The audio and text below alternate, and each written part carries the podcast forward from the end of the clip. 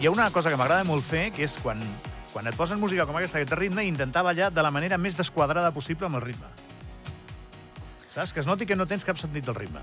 Per aquests oients que ens esteu sentint per Ràdio Nacional, eh, hauríeu de recuperar la emissió d'Andorra Televisió en aquesta hora, 10, 15, 20 segons, I després demostrar tot per veure al Gabriel una imatge que No, val, diu el Ricard, més que mil paraules. T'estan punxant a tu, o sigui, no hi ha problema. No, quan has ballat t'han punxat a tu. No? Però també és veritat que després tu, tot una, quan han vist que tens aquesta incapacitat per descobrir el ritme, eh, comences a ballar ja, no tant que... O sigui, demostrant que sí que la toques, que, que córrer per les teves venes una part de Erwin and Fire. Has ballat molt a la vida, oi? He ballat bastant, jo de jove ballava molt. A les discoteques no s'anava a perrear, s'anava a ballar.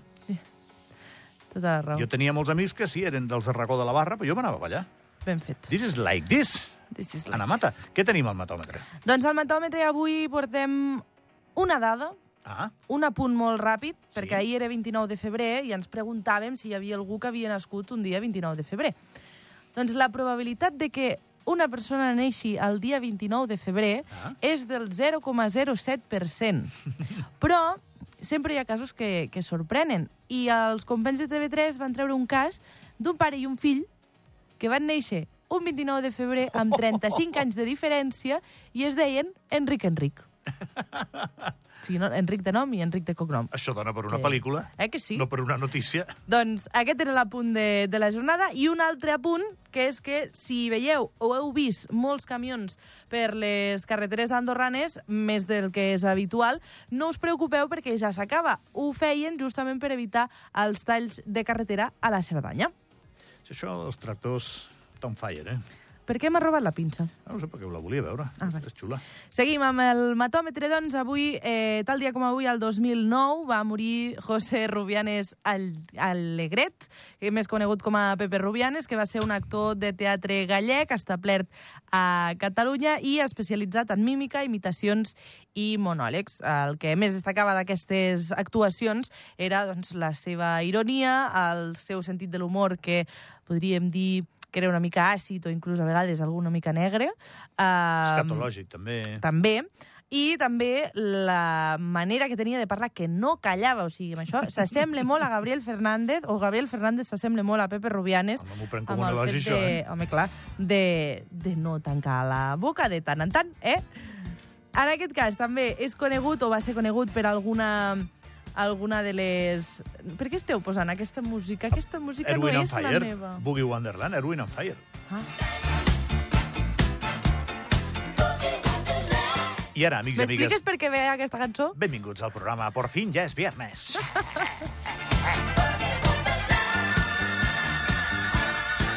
Doncs Pepe Rubianes, al gener del 2006, va ser objecte d'atenció mediàtica per la seva intervenció al Club, un programa de TV3 en la qual, responent a una pregunta del presentador Albert Tom, sobre la seva actitud respecte a la unitat d'Espanya, va replicar una frase que no la direm sencera, perquè, òbviament, diu moltes barbaritats. Eh, a mi la unitat d'Espanya me la suda mm, por delante y por detrás. Y que se meten a España ya en el mm, a ver si les explota dentro y les quedan los huevos colgando del campanario. Pepe Rubianes Dixit. En aquest cas, eh, després d'haver fet aquestes declaracions, va dir doncs, que mm, van ser comentaris que va haver de matisar perquè no s'estava referint a l'Espanya grande i unida, no, s'estava referint a l'Espanya que va matar l'Orca i que respectava molt l'Espanya democràtica i constitucional i que amb aquesta Espanya li mereix tots els seus respectes. Va tenir un bon pollo Rubianes en aquella època. Jo és M'ho el tio puc imaginar. que més m'ha matat de riure en un teatre. Doncs mira, Mai ningú m'ha fet riure tant com Rubianes. Avui el recordem per la seva figura i per les mm, coses que va dir per la boca, que n'hi ha moltes, que a alguns els aniria bé escoltar-les de tant en tant. Una altra de les temàtiques que us portem és una protagonista que es diu Ariadna Benedé. Va ser diagnosticada amb 13 anys de leucèmia linfoblàstica aguda i amb la seva mare i un equip de professionals del clínic van iniciar una lluita contra el rellotge per aconseguir fer els primers assajos clínics de la teràpia CART, una forma innovadora de tractament que modifica les cèl·lules del sistema immunitari per combatre de manera efectiva les cèl·lules canceroses. És un documental, avui estem amb TV3, jo estic a tope, vale. perquè en aquest cas és la plataforma 3CAT, que sabeu que hi ha moltes coses que a TV3 no es veuen, però a la plataforma sí. És un documental que han tirat endavant des de l'Hospital Clínic, que ens explica doncs, la història de com han lluitat aquesta mare i la seva filla per donar nova esperança a altres pacients que, com ella, doncs, que ja no disposaven de cap altra opció. De fet, la protagonista mai va perdre l'ànim ni tampoc la il·lusió per aconseguir-ho, i eh, en aquest documental veiem tota aquesta gent que les va acompanyar en aquest camí, tot el que s'ha aconseguit i sobretot doncs, com es van sentir elles en el moment que això va acabar funcionant. I la última, un últim apunt. Sant Jordi. Sí. Dia de Sant Jordi. Sí. Deixarà de ser de franc per les llibreries i editorials a partir d'aquest 2024 s'haurà de pagar una quota per poder posar la paradeta als carrers més cèntrics de Barcelona. A Barcelona, pensava que dies aquí. No, home, no. A Barcelona. Eh, eh, aquí esperem que encara no passi això, que quedin molts dies encara per fer-ho, perquè si es fa a diferents places que no afecten el trànsit, doncs no cal que fem pagar els paradistes, que pobres prou de feina tenen, i més a Barcelona, que els últims anys sempre ha plogut, i no, no els hem de posar les coses més difícils. Doncs a Barcelona s'establirà un mínim de 96 euros amb 80 cèntims i un màxim de 386 euros amb 20 cèntims. És pasta, has de vendre llibres, eh? Què et sembla? Pues em sembla malament. A mi també, perquè em sembla, em dóna la sensació... A veure, les grans llibreries, òbviament, doncs, podran, podran afrontar-ho, no? Però n'hi ha moltes de petites que són normalment les que porten mm, novetats més diferents, que potser les grans llibreries no han agafat. Doncs aquelles és molt possible que no estiguin...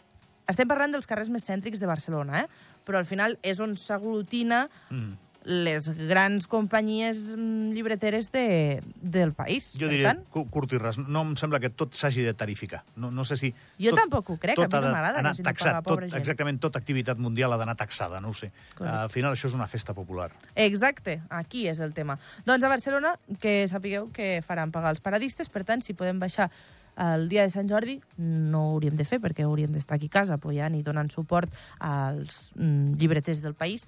Doncs en el cas de que algú estigui per Barcelona aquell dia, doncs que se'n vagi a fer un passeïto per, la, per les Rambles. Molt bé, Anna. Estàs? Ja estem. Boogie Wonderland.